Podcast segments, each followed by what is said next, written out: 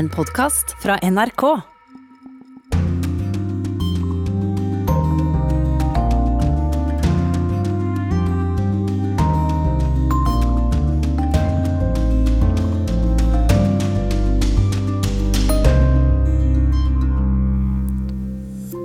Iran har et av verdens mest frykta fengsler for politiske fanger. En av landets politikere påstår han ble et bedre menneske av å sitte der. Bensinpumper i USA, helsevesenet i Irland og kommuneansatte på Toten ble alle lamma av cyberangrep. Hvilken global trussel er de nye nettpiratene egentlig? Vår mann i den svenske riksdagen fikk et blodig møte med Sveriges kanskje største politiker gjennom tidene, midt oppi ei svensk regjeringskrise. Og vår mann i London er drittlei av både covid og brexit. Han drømmer om saltvann i håret og solbrente skuldre. Velkommen til Urix på lørdag. Jeg heter Tore Moland. Jeg kan også by på et ungdommelig blikk på apartheid-tida i Sør-Afrika. Men først. I går kveld sto det store slag i St. Petersburg og i München. I kveld står det nye slag i Baku og i Roma. Hele Europa er involvert, vi snakker selvsagt om fotball-EM. For dette handler ikke bare om å være best i fotball, det handler om politisk prestisje og om å være best i alt fra demokratiutvikling til pandemihåndtering.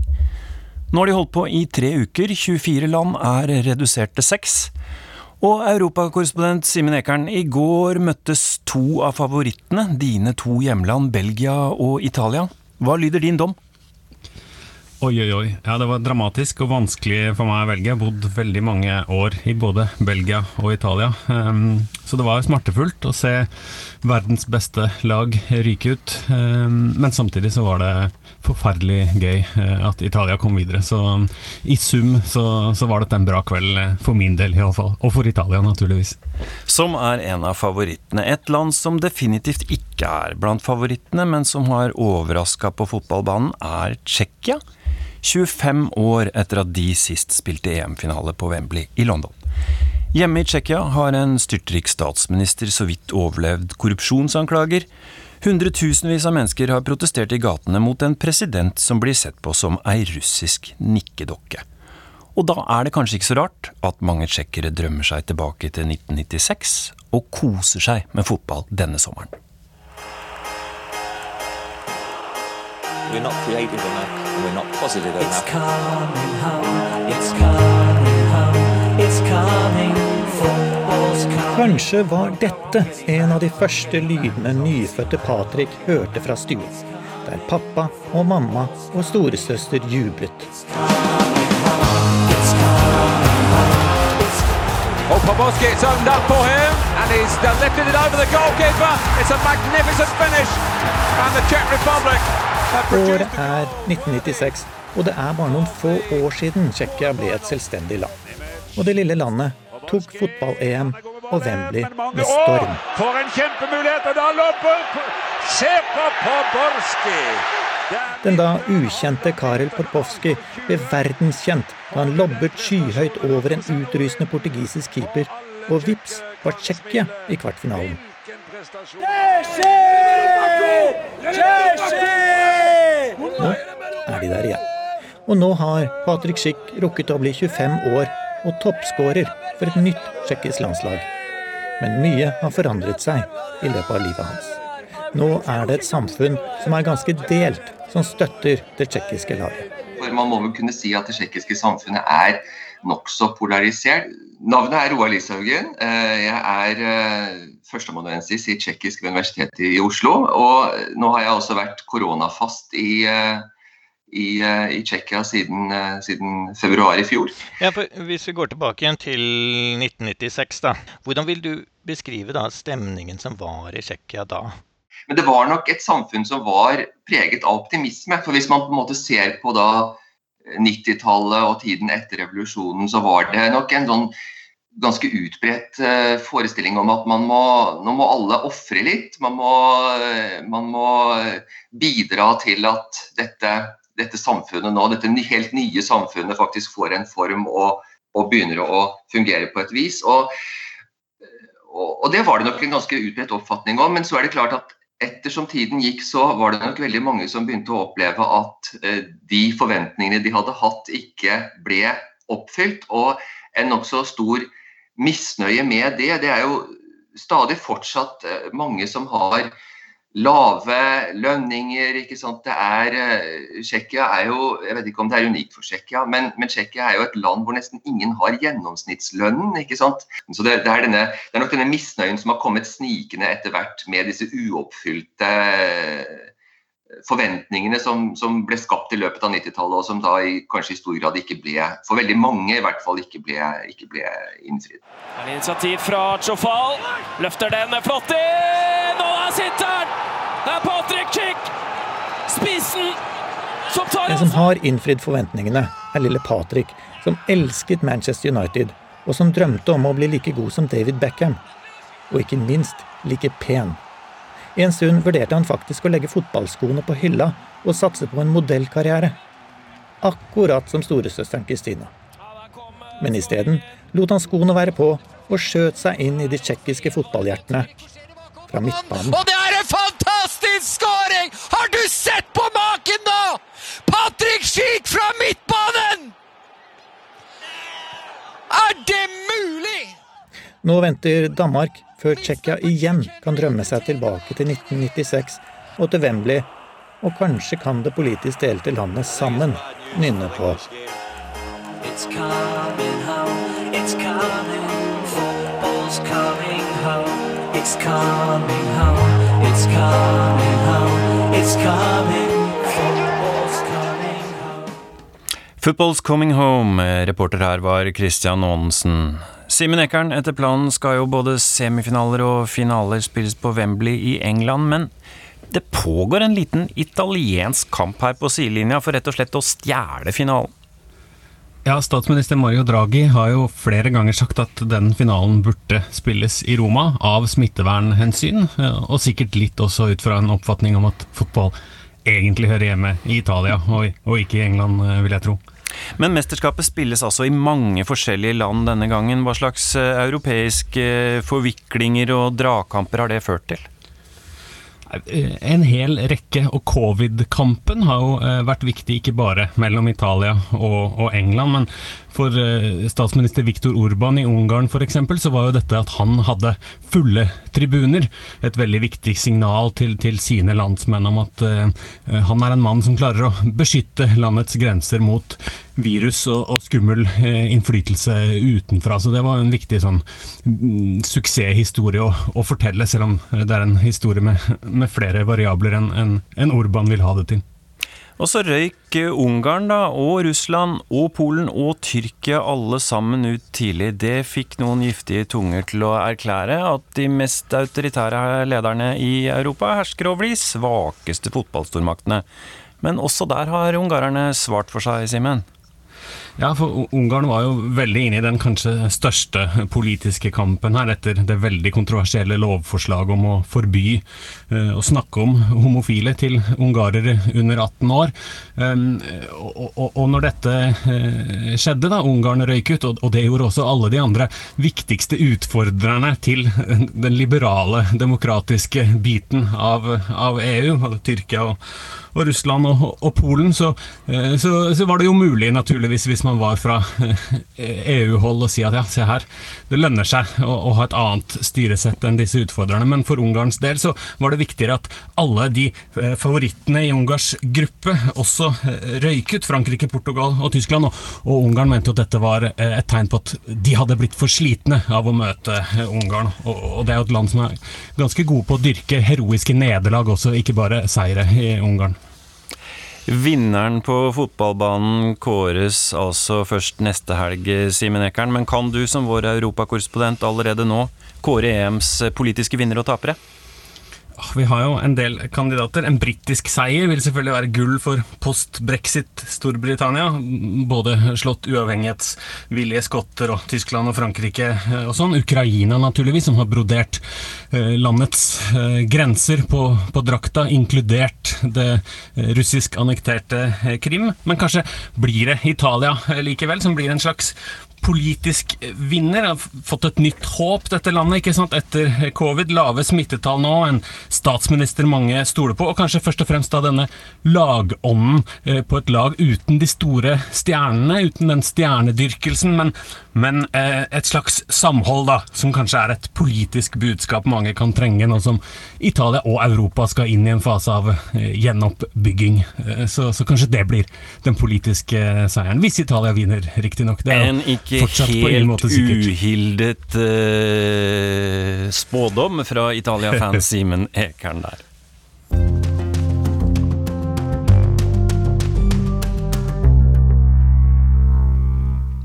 Vi skal videre til Iran, der vi skal møte en av landets mest kjente reformpolitikere.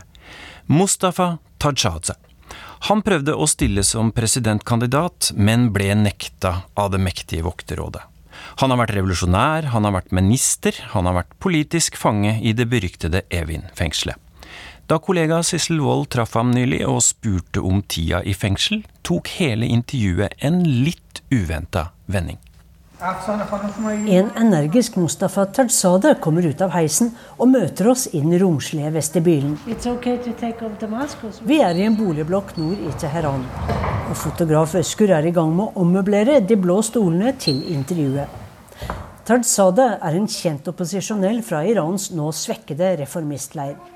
Vi småsnakker før intervjuet begynner.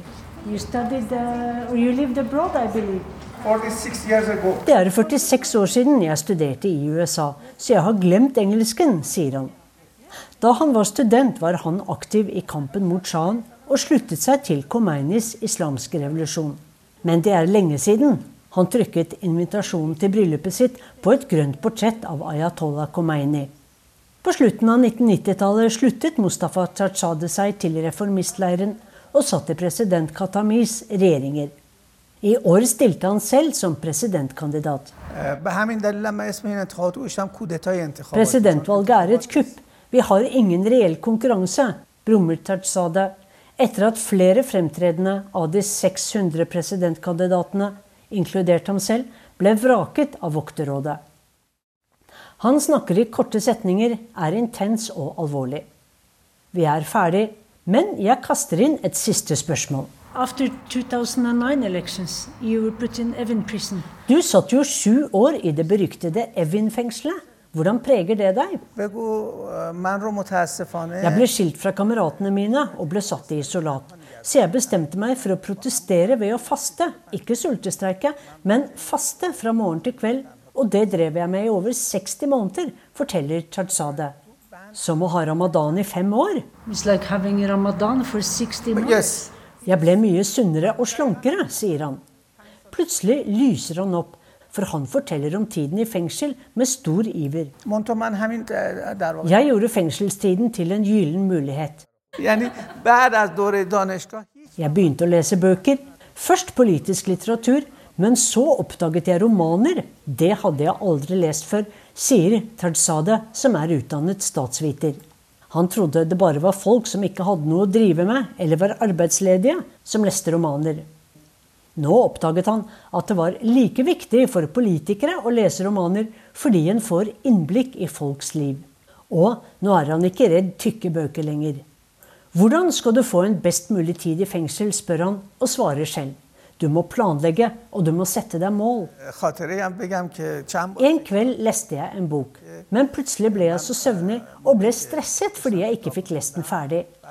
Fengselsvokteren sa til meg, 'Hvorfor er du så irritert?' Du skal jo være her i morgen, i overmorgen, neste uke osv. Du har god tid. Men jeg hadde planlagt å lese denne boken på tre dager, og jeg nådde ikke målet mitt, forklarer Tarzade. Han sluttet å røyke etter 34 år fordi han ikke ville be vokterne om å ta ham med til røykehjørnet i luftegården. Han var for stolt til å be dem om tjenester. Det er overraskende at du blir i så godt humør av å snakke om årene i fengsel, kommenterer jeg. Også kona mi sier det, at jeg snakker så positivt om fengselstiden, uten bitterhet og smerte. Hun spør til og med om jeg savner fengselet, smiler han. Men familien hadde det mye verre enn meg, sier han, for de var så bekymret for meg hele tiden. Tarzada fikk trent på cella og holdt seg i form.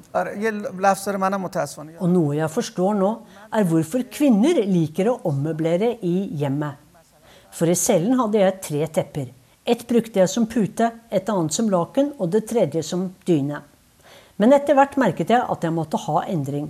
Dermed brukte jeg puteteppet som dyne, og brukte dyneteppet som laken. Jeg ble i bedre humør av å omorganisere på cella. Så etter fengselet var du sunnere, mer belest og reflektert. Men du må jo ha en god porsjon optimisme for å ikke bli bitter av å bli frarøvet sju år, sier jeg. Det er en ekstraordinær erfaring å sitte i fengsel. Men om du tar tak og vil forbedre deg, så kan du det. بگو بچه هم گاهی شوخی بهم میگن میگن کاش که تو زودتر رفته بودی زندان Sønnene mine spør hvorfor jeg ikke ble satt i fengsel tidligere, fordi de syns jeg ble en mye mer omgjengelig person etterpå, ler han. But it's not like you would recommend some years in Evan prison. نه نه نه من همیشه بهشون میگم که Nei, nei, jeg vil ikke anbefale dette til noen. Men jeg vil råde folk om å bli en bedre versjon av seg selv utenfor fengselet.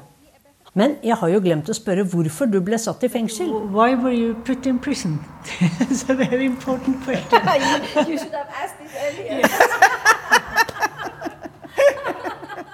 Etter presidentvalget i 2009 marsjerte millioner i Teherans gater og protesterte mot valgresultatet. At Mahmoud Ahmadinejad skulle vinne så overlegent, trodde ikke reformistene på. Og av dem som snakker høyest, var Mustafa Tarzadeh. Han ble dømt for å sette nasjonal sikkerhet i fare og spre propaganda mot regimet. I begynnelsen var vokterne voldelige mot ham. De hadde hørt at Tarzade ville destabilisere landet og var en farlig mann. Men så ble de bedre kjent. En av fangevokterne sa til ham at han syntes ikke det var greit å få lønn for å skulle holde Tarzade i fengsel og frata ham friheten. Det er Mustafa Tajades beste minne fra Evin-fengselet.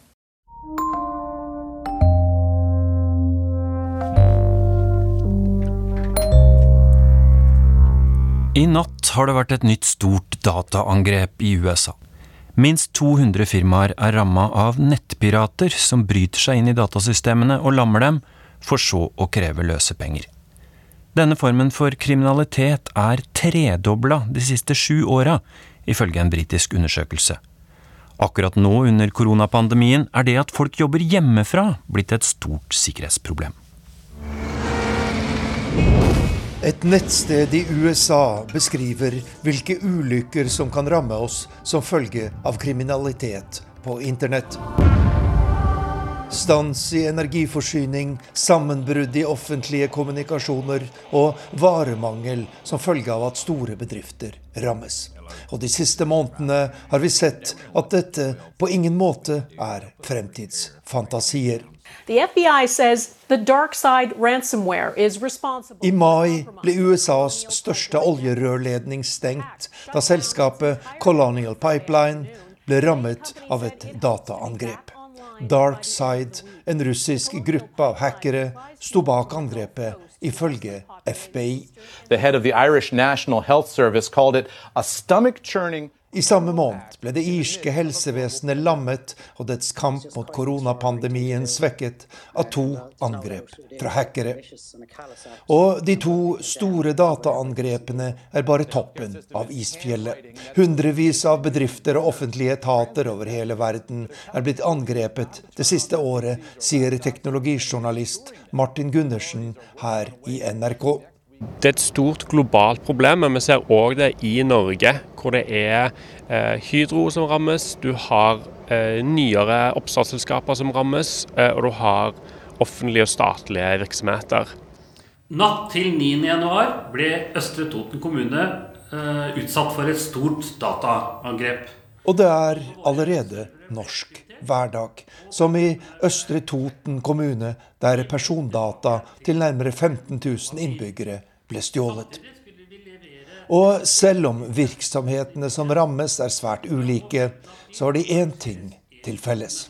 Ransomware attacks are typically about money. Det kalles ransomware, løsepengevirus. Hackerne bryter seg inn i datasystemet og krypterer innholdet, slik at det blir uleselig for dem som bruker det.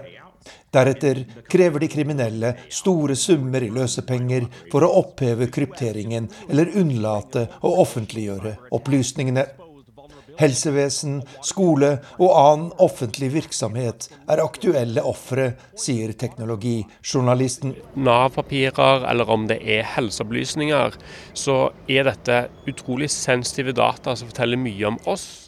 Bruken av løsepengevirus har økt kraftig det siste året.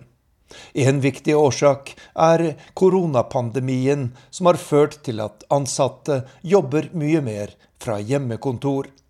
Teknologijournalist Martin Gundersen i NRK forklarer. Når folk er på hjemmekontor, så får du enda mindre mulighet til å følge med på hva det egentlig som skjer på vårt nettverk. Det er mye lettere å lure ansatte til å oppgi passord og innloggingsdetaljer. Det er da vanskeligere å oppdage hva som skjer når alle sitter på hjemmekontor. En undersøkelse som er gjort av selskapet Emissisoft, viser at det ble betalt ut minst 18 milliarder dollar, drøyt 150 milliarder kroner, i løsepenger etter dataangrep i 2020. Ransomware er blitt en storindustri, og det er blitt geopolitikk. Da presidentene Joe Biden og Vladimir Putin møttes i Genéve i forrige måned, var dette et hovedtema. on cybersecurity. Are we going to work out where they take action against a ransomware?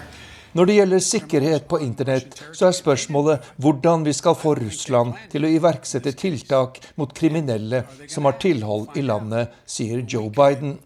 Jeg tror vi har reelle muligheter til å få til noe som kan være i begge lands interesse. For russerne er også sårbare for angrep fra hackere sa den amerikanske presidenten etter toppmøtet i forrige måned. Det var Arnt Stefansen som hadde dukka ned i cyberspace. Neste stopp Canada. De siste to månedene er det gjort grusomme funn ved flere gamle skoler i landet. Der er det funnet levninger av rundt 1000 mennesker, og de fleste av dem er barn. Barna var elever ved katolske internatskoler for canadiske urfolk. Nå kommer kravet om et oppgjør med en mørk del av historien, både for Canada og for den katolske kirka.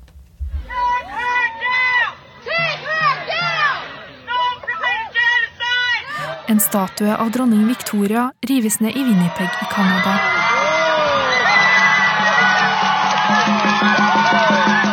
Torsdag var det demonstrasjoner i flere canadiske byer i forbindelse med Canadas nasjonaldag.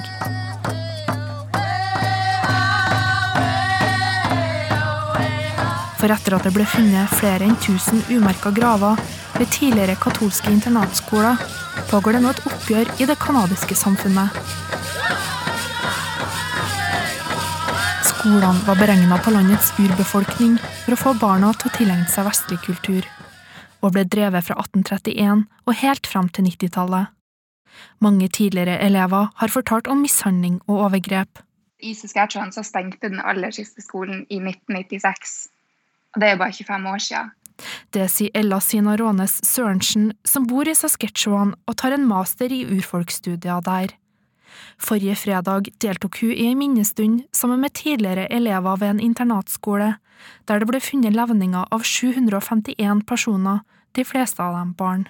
En ting som de også nevner, er jo hvordan de ikke helt kjenner på de følelsene som veldig mange andre har kjent på, og hvordan de ikke kjenner på ja, sorg når de burde det, og kjærlighet når de burde det, for de ble lært å ikke vise disse følelsene i de skolene. Hun sier at funnene bare bekrefter det urfolksgruppene har fortalt i mange år. Man merker jo, i hvert fall blant den canadiske befolkninga, at flere blir veldig overraska, veldig sjokkert over at det her kunne ha skjedd, og at de ikke ja, visste at det gikk an at det fantes så mange eh, graver rundt omkring. Men blant urbefolkning så har de ikke den samme opplevelsen, for de visste at det her har skjedd. De har jo sagt det i alle år. Det er bare ingen som helt har hørt på dem eller trodd på dem eller har hatt lyst til å høre på dem. Men nå har det plutselig kommet frem konkret bevis som støtter det de har sagt i alle år. Så folk kan ikke ignorere det lenger. Nesten 150 000 barn ble tatt fra foreldrene sine i løpet av årene skolene var i drift. og mange av dem kom aldri hjem igjen. Det er anslått at rundt 15 000 barn bare forsvant. Nå pågår det et omfattende arbeid med å identifisere levningene som er funnet, og nøste opp historiene deres. Men så langt er det bare gjort undersøkelser ved tre skoler, og til sammen var det minst 130 slike skoler på tvers av Canada. Derfor ventes det at det vil bli funnet flere graver i tida fremover. I mellomtida prøver den canadiske regjeringa å skape forsoning, og har beklaga for behandlinga av urfolket. Men mange mener at det ikke er nok, og at det må komme en skikkelig erkjennelse av det som skjedde. Og en unnskyldning fra den katolske kirka, helst fra øverste hold. I have spoken personally, directly, uh, with His Holiness Pope Francis to impress upon him how important it is, not just that he makes an apology, but that he makes an apology to Indigenous Canadians on Canadian soil. Jeg har bedt paven om å komme med en unnskyldning på canadisk jord, sa statsminister Trudeau i forrige uke. Nå pågår det forhandlinger med den katolske kirka for å få dette til å skje. Reporter Mariann Strand med bidrag fra NRK Sápmi.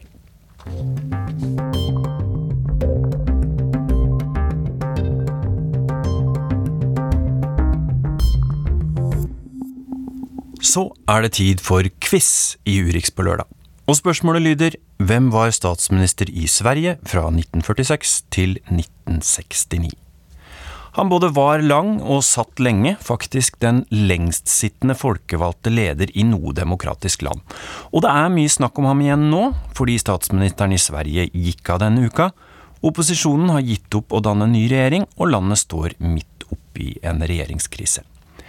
Svaret er altså Tage Erlander, og selv om denne ruvende svenske politikeren døde tilbake i 1985, så greide vår mann Morten Jentoft å stelle i stand et litt ublidt møte med Tage Erlander i Riksdagen i Stockholm denne uka. Det var utenfor det som heter Kammersalen i den svenske riksdagen det skjedde. Litt før klokken 17 tirsdag denne uken. Jeg skulle i all hast koble ledninger og slå på kamera for en direktesending hjem til NRK, da jeg bøyde meg opp og smalt hodet inn i noe hardt. Etter at jeg hadde fått summet meg, så jeg at det var en steinplate som stakk ut fra veggen jeg hadde skallet borti. Og oppå den sto en skulptur av hodet til selveste Tage Erlander, sosialdemokraten som styrte Sverige i 23 år, fra 1946 til 1969. Møtet med Erlanda resulterte i at blodet begynte å renne nedover pannen min.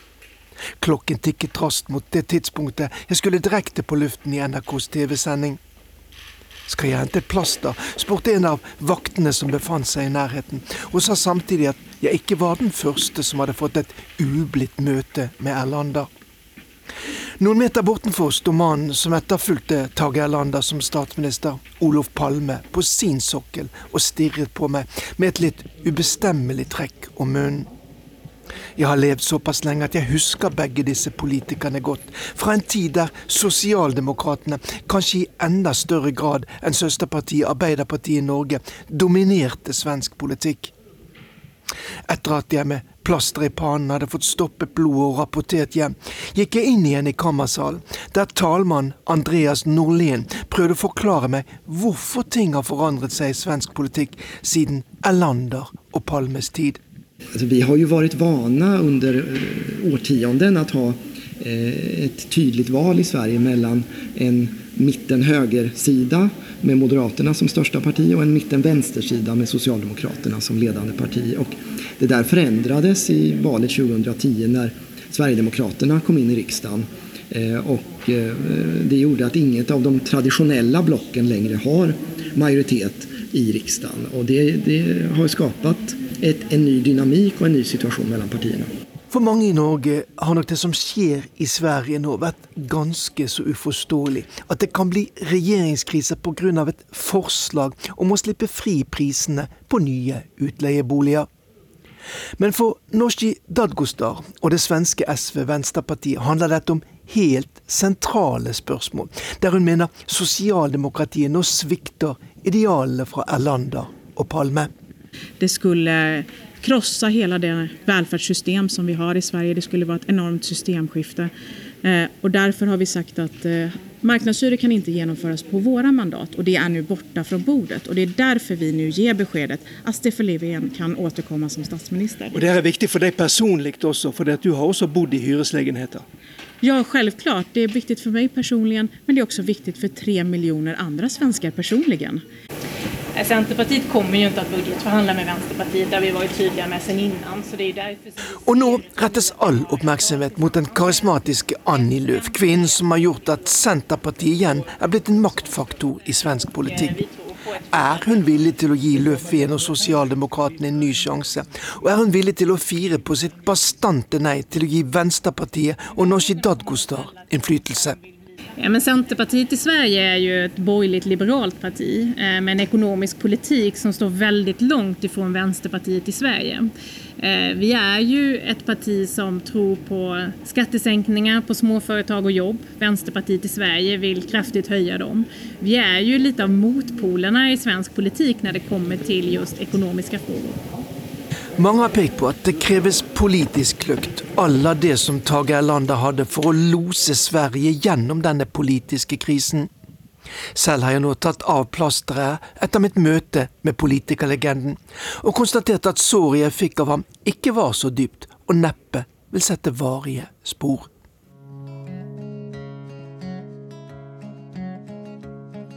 Sometimes I don't know where this dirty road is taking me.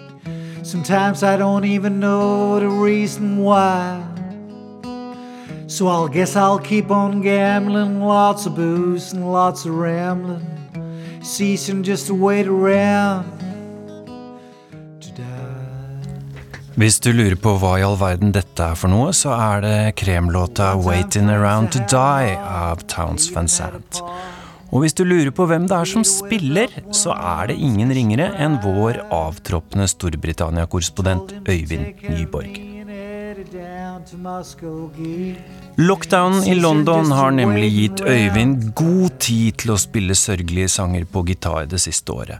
Men det er ikke alt som har vært trist heller. Nå har tida kommet for vår mann for å oppsummere fire år med først brexit og deretter covid.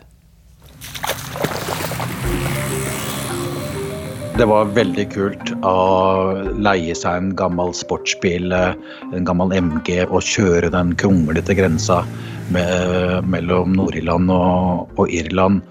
Det var iskaldt, det var jo snø, det var en liten sportsbil uten eh, varmeapparat. Vi satt jo inne i bilen med topplue og, og, og to ullgensere på oss og, og, frakk, men de stoppene vi gjorde underveis og kom inn på puber, det satt folk og spilte irsk musikk, og, det skumma i, i Guinness, og man fikk oppleve den ekte lune atmosfæren som eh, jo kan være her på de britiske øyer.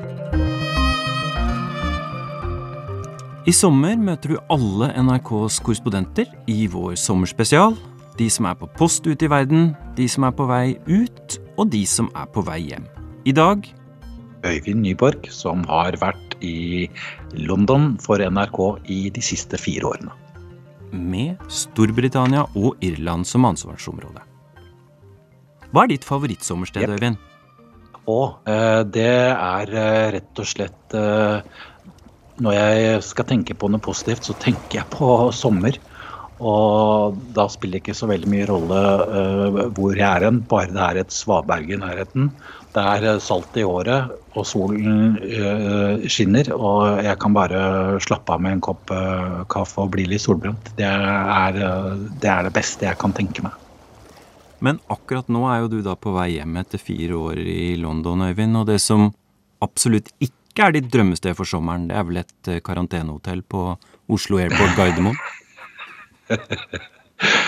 Ja, nei, det med karantenehotell fra Storbritannia har jo også vært eh, eh, litt eh, kaotisk, eh, har jeg skjønt. Men eh, jeg kommer jo, kom jo, nå hjem til eh, Norge litt grann før tida.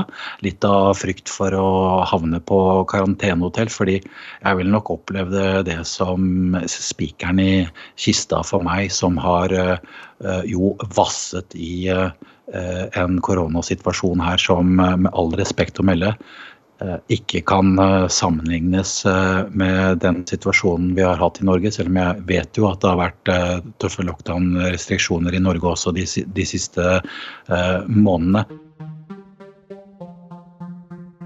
Øyvind Nyborg, du har vært fire år i London. Ville det vært litt brutalt av meg å oppsummere din periode så kort som det her? Først brexit, og så covid. det er helt riktig. Det var eh, tre hektiske år eh, eh, først. Og det handlet bare om eh, brexit. Endelig så klarte man å komme seg ut, som jo var det store politiske målet her. Så snakket vi om at vi var jo skikkelig spyferdig av eh, brexit. Og så kom covid, og så begynte vi rett og slett å savne brexit. Øyvind, da du skulle oppsummere tida di i London, så satte du rett og slett sammen ei spilleliste med ti britiske låter. Den la du sjela di i? Eh, ja, altså i hvert fall så blottla jeg min musikalske sjel i den. Uh, det var jo i mitt siste korrespondentbrev.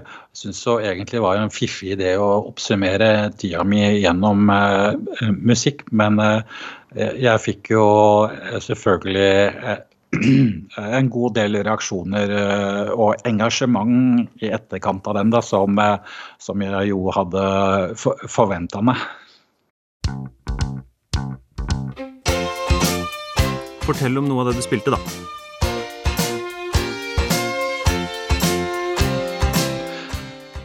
Ja, nei, Det starta vel med Common Eileen av Dexys Midnight Runners, som jo er en, en helt obligatorisk uh, sang her i Storbritannia. Det er knapt nok en eneste fest her som ikke ender opp med at minst én person danser på bordene etter den. Og så var det jo selvfølgelig en del personlige preferanser. Jeg er veldig, helt siden ungdomsskolen vært stor fan av Elvis Costello. Jeg husker jo han uh, lagde jo 'Tramp the Dirt Down' i 87, var det vel, og som en veldig, veldig kritisk uh, sang om uh, Margaret Thatcher. Margaret Thatcher er jo et av de store traumene egentlig i uh, britisk uh, historie. Og jeg husker uh, den gangen på ungdomsskolen og den kom ut at jeg var helt sjokkert over at det gikk an å skrive en, eh, en sånn låt. Men eh, det var en personlig liste, og de fleste tok det poenget med et smil. Heldigvis. Og så driver du med musikk sjøl, Øyvind. Fortell. Jeg har jo spilt gitar uh, siden uh, jeg fikk en gammel uh, gitar av onkelen min som ung, og spilte i mye band. Og så har jo denne lockdown-tiden ikke bare vært uh, grå og trist. Den uh, har jo også frigjort en del tid til å sitte og pusle. Så jeg har uh, kanskje det siste året aldri spilt så mye gitar og lært meg så mange avanserte ting de siste årene som det jeg har gjort nå. Jeg har eksempel, jeg brukte tre måneder på å lære meg en solo på en kjempelåt som jeg setter veldig høyt og har gjort sånne ting. Da. Så det, det, har jo egentlig vært uh, veldig morsomt. Pusla litt med å spille inn litt og, og liksom ta opp litt og sånn. Så det, det, det er uh, kult, syns jeg. Når du nå forlater de britiske øyer, Øyvind, hva slags tilstand uh, føler du at du forlater det forente kongedømmet i? Uh, nå skal jeg si noe. Jeg, det kan jeg svare på. Jeg, jeg syns det er helt uh, fantastisk å kunne si og at uh, nå i slutten av juni så er denne koronapandemien avblåst i Storbritannia. og det er rett og slett en helt annen og optimistisk stemning her nå enn enn jeg kan huske på lang, lang tid. Og det er veldig godt for meg å vite at uh, min arvtaker Gry Blekastad Holmås kommer til uh, det jeg vil uh, kalle dekkabord. Det, det som jeg har opplevd her det siste året, det unner jeg ikke noen. Så det er et friskmeldt land. Dominic Cummings hadde jo rett her om dagen når han ble forhørt i Underhuset om, om koronahåndteringen til Boris Johnson alt har jo egentlig vært fakt, unntatt vaksineprogrammet. Det har jo da til gjengjeld gått veldig bra. Ei gate i Liverpool. Som et bilde på England i lockdown. Beskjeden er å holde seg inne. Men det er mye sinne og frustrasjon. should have locked the lockdown the other week. And the country's being run by an imbecile. That Boris Johnson, Trump, whatever. He's just an idiot. Hvilket minne står sterkest igjen for deg, Eivind, fra dekningen av koronapandemien det siste året? Jeg syns det er egentlig ganske vanskelig å tenke å, å komme unna en, en reportasjetur vi, vi, hadde oppe i Liverpool. Egentlig eh, rett ved stadion til Everton. Der eh, er det en gate som jeg tenkte at eh, denne gata her, den skal vi lage et lite miniportrett av. så bestemte vi oss rett og slett for å gå fra dør til dør, jeg og vår mangeårig faste fotograf eh, her i, i, London, da, Johan Bull. Og så eh, banka vi på og gikk fra dør til dør, og folk fortalte jo hvordan de hadde det. Hvordan de hadde mista vennene sine til koronaen. Hvordan folk hadde vært eh, isolert uten å kunne gå ut av døra si. Folk eh, for, som hadde mista jobbene sine, folk som strevde med å få endene til å møtes. og besteforeldre som var engstelige ikke bare for seg selv, men for uh, barnebarna sine fordi de bl.a. ikke hadde noen uh, skole å, å, gå til. Og det er vel kanskje noe av det som jeg tror den satt i magen på en del folk. Er det noen uh, reportasjer du skulle ha lagd, eller noen mennesker du gjerne skulle ha møtt, som du ikke har klart å virkeliggjøre i løpet av disse åra, eller? Ja, og det var faktisk noe som jeg hadde tenkt å Som har liksom hengt over meg som en idé i, i, lang tid. Men jeg hadde en stor plan om å lage en litt større sak om, uh, om fattigdom. Fordi jeg tror at uh, den sjokkerende forskjellen på fattig og rik på Storbritannia er jo også hjemmet til noen av uh, Europas aller fattigste. Det er jo kanskje nesten ti millioner mennesker som prøver å liksom få hjula til å gå rundt med en minstelønn på 80 kroner timen. og det er veldig mange som ikke kan sette et ordentlig måltid mat på bordet uh, hver dag. Og i, den grad det er uh, middag, så er det kanskje en pose chips fra The Chippies, eller kanskje en litt frityrstekt liten kyllingbit med, med, med ketsjup på. Og dette med dårlig økonomi og en elendig folkehelse er jo også noe som gjorde at eh, forholdene her lå veldig godt til rette for eh, koronavirusets eh, herjinger. Det er jo mange som føler på kroppen at de rett og slett er underprivilegerte. Og en del av dette står jo i veldig grell kontrast til de mange som også lever på livets lyse side med dyre og fine privatskoler og, britene elsker jo og, og også hater uh, klassesystemet, som, som uh, jo også er, etter min mening, da, noe av bakgrunnen for hvorfor brexit ble brexit.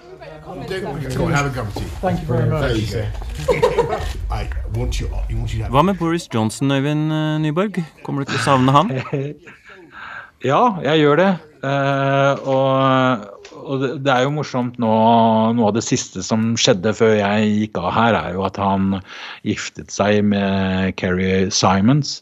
Og uh, Boris Johnson har jo vært en, uh, en karakter som har fulgt meg i, i, i fire år. Så uh, hvis det er noe som har, liksom, virkelig har definert mine, mine fire år her, så har det jo vært Boris Johnson. Han var jo ikke statsminister når jeg kom hit i, i 2017, men vi visste jo allerede da at det var han som kom til å, å ta over.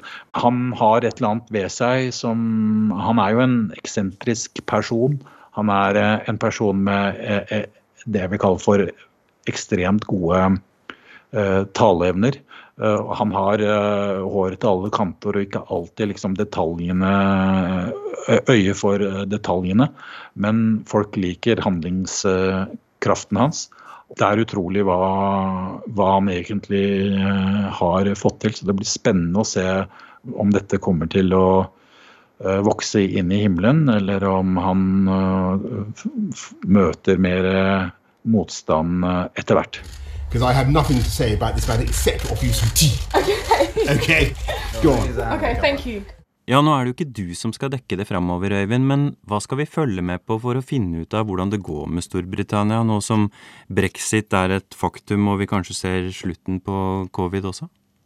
Eh, det er et par-tre ting som eh, blir viktig framover. Vi har ennå ikke sett eh, konsekvensene av koronapandemien, som jo har sendt britisk økonomi ned i sin verste bølgedal på 300 år. Og så er det fortsatt et stort eh, dilemma med eh, Nord-Irland. De eh, nordirske unionistene er eh, veldig engstelige og forbanna og føler at det krøller seg i sin eh, britiske sjel. Den ordningen man har fått med en i praksis grense i Irskesjøen. De frykter at dette er bare starten på en, ehm, det som de irske republikanerne og nasjonalistene ønsker seg, nemlig en gjenforening av Nord-Irland og Irland. Men det kanskje vi skal følge aller mest med på, det er jo uh, skottenes ønske om uh, uavhengighet. SMP er jo, det skotske nasjonalistpartiet er jo virkelig et politisk uh, fenomen i europeisk sammenheng. Jeg tror at vi skal følge litt med på at dersom EU bestemmer seg for fordi at disse skottene ønsker seg jo ikke bare uavhengighet, men de ønsker å melde seg inn i EU igjen. Og jeg tror at vi skal følge godt med hvis Brussel eh, bestemmer seg for å hjelpe skottene i den eh, prosessen, og skottene godtar eh, euroen istedenfor sitt elskede pund, så kan dette skje før vi aner ordet av det. Kanskje. Hva gleder du deg mest til ved å komme tilbake til Norge da, Øyvind? Jeg gleder meg veldig mye til å gjenforenes med familien min, som uh, jo jeg uh, sendte hjem til Norge i april i fjor, da vi skjønte at det ikke var noe lys i tunnelen her, og at Boris Johnson ikke hadde fylla kontroll på koronapandemien. Så kona mi og mine to gutter, som da hadde gått to år på skole her i, i Storbritannia, de er jo nå snart 17 og og, og 20 år, de flytta hjem eh, til Norge. Eh, så det å uh, gjenforenes liksom alvor igjen med de, det ser jeg veldig fram til. Og når ting har sett sånn svartest ut her, så hvis det er noe jeg tenker på da, så lukker jeg øynene og så tenker jeg på å sitte på et svaberg et eller annet sted på norskekysten eller svenskekysten med saltvann i håret og forhåpentligvis en blå himmel og en eh, lettere rosa hud. og så er du glad i å stupe i havet, har jeg hørt. Ja ja, dette er jo en familiebelastning. Hvert eneste år så går jeg opp på tieren og, og stuper, bare for å si til meg selv at ja, jeg kan det fortsatt.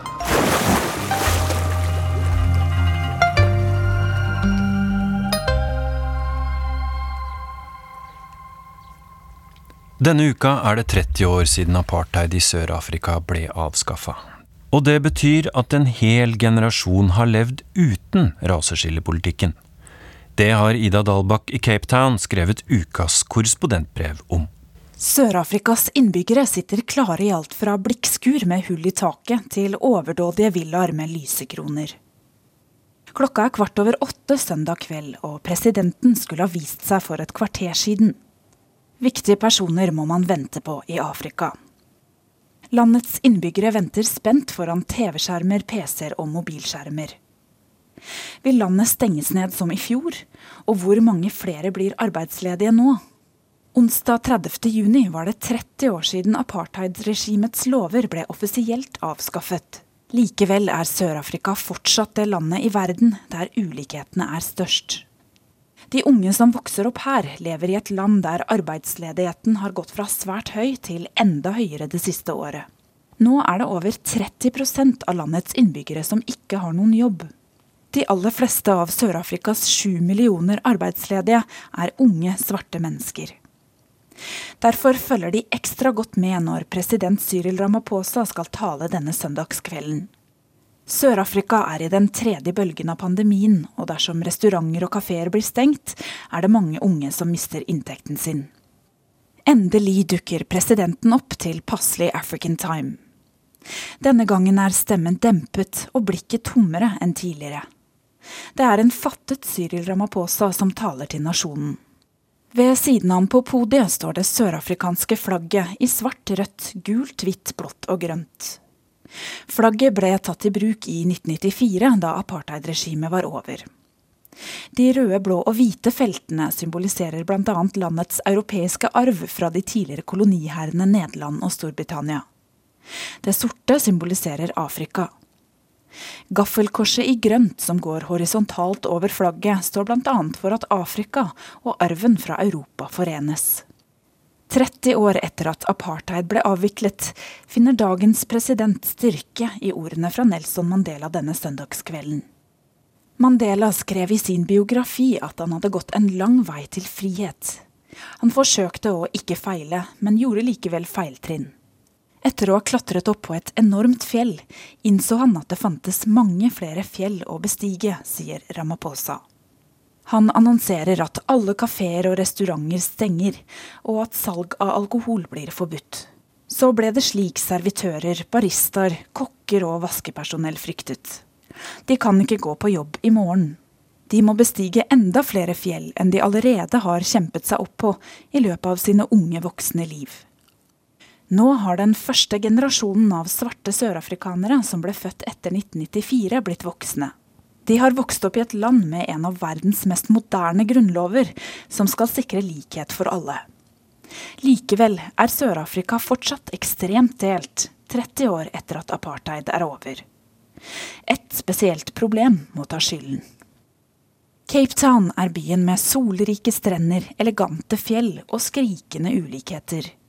Sør-Afrikas nest største by er et konsentrat av vanskeligheter som hele landet står overfor. Enorme villaer strekker seg opp mot fjelltoppen Lions Head utenfor vinduet der jeg sitter og skriver dette korrespondentbrevet. Kontorfellesskapet vender ut mot luksuriøse hus til flere titalls millioner kroner. En av boligene der oppe tilhører president Cyril Ramaphosa. Datteren bor også like ved. En designer jeg kjenner innredet presidentens og datterens hus. Datteren hadde et tak på 30 millioner rand, eller ca. 18 millioner kroner, for hva hun kunne bruke på interiør. Presidenten hadde ingen grense for hvor mye penger interiøret skulle koste. President Cyril Ramaphosa er unntaket. For det er først og fremst de hvite som bor i nærheten av sentrum, og i velstående forsteder i nærheten av økonomisk aktivitet. De svarte og fargede lever under helt andre forhold utenfor byene i Sør-Afrika. Kontrasten er like stor hver gang jeg setter meg i bilen og kjører de 25 minuttene ut av sentrum, til et av de fattige områdene der svarte og fargede ble tvangsflyttet under apartheid. Utenfor byen ligger blikkskurene tett i tett. Innenfor gjerdene langs veien lever sørafrikanere i en helt annen virkelighet. Bare i townshipen Kailicha bor det nærmere to millioner mennesker. De unge som har vokst opp her etter apartheid, lever i områder der drapstallene er høye og fattigdommen stor. Bare i Kailicha ble 251 personer drept i fjor. Til sammenligning ble 28 personer drept i Norge i 2020. Sør-Afrika var det tredje farligste landet i verden i fjor, ifølge en undersøkelse. Hovedstaden Pretoria ble rangert som byen med høyest kriminalitet i verden. Og det er ikke i de velstående områdene at kriminaliteten er høyest. For unge, svarte eller fargede sørafrikanere som vokser opp i fattige townshiper, er det en annen faktor som gjør det vanskeligere å komme seg ut av fattigdommen. Frihet til å gå på universitetet tilhører først og fremst det hvite mindretallet i dagens Sør-Afrika. For hver svarte person som uteksamineres fra universitetet, er det seks hvite som gjør det samme.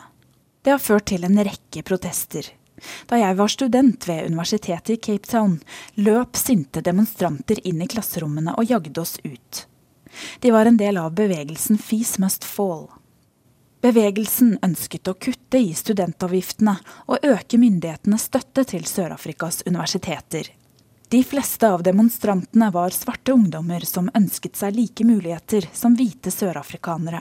I to semestre satte de fyr på skolebusser og ødela statuer av koloniherrer på universitetet. Omsider ga myndighetene etter og lovte et nasjonalt system for støtte til høyere utdanning for studenter fra fattige familier.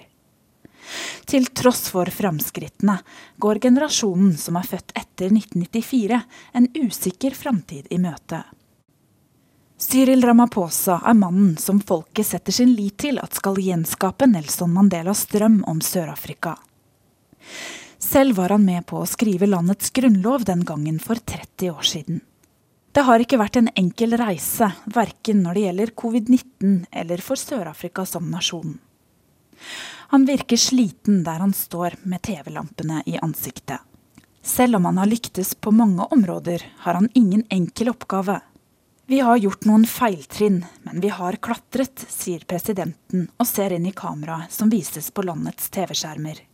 De unge som er Sør-Afrikas framtid, vet at han har rett. Og det er ikke bare de utfordringene som kommer med en pandemi. De unge må fortsette å klatre i et samfunn som fortsatt er preget av et halvt århundre med raseskillepolitikk. Og med de ordene er Urix på lørdag ved veis ende. Teknisk ansvarlig var Bobo Bjørnskjold, produsent Bendik Hansen, og jeg heter Tore Moland. God helg!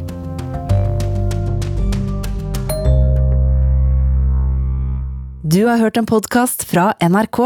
Hør flere podkaster og din NRK-kanal i appen NRK Radio.